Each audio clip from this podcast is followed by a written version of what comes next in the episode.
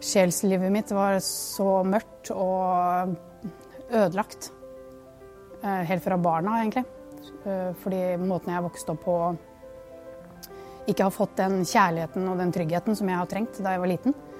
Og heller ikke da jeg var ungdom. Så, og det førte jo til at jeg søkte, søkte kjærlighet i mannfolk.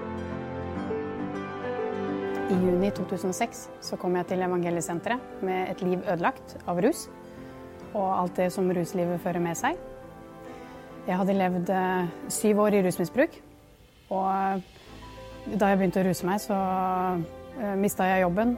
Og i ungdommen så klarte jeg aldri å fullføre skolen. Jeg mista dattera mi i, rusen.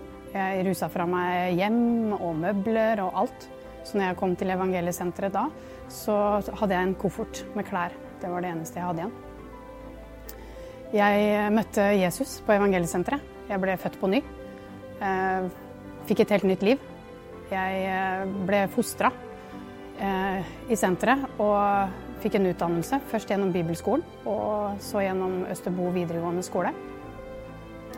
Mens jeg var i rehabilitering, så fikk jeg tilbake dattera mi.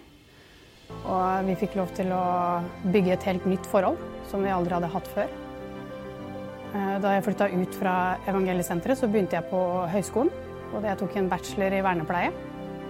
Og jeg jobber i dag som saksbehandler på Østerbo evangeliesenter.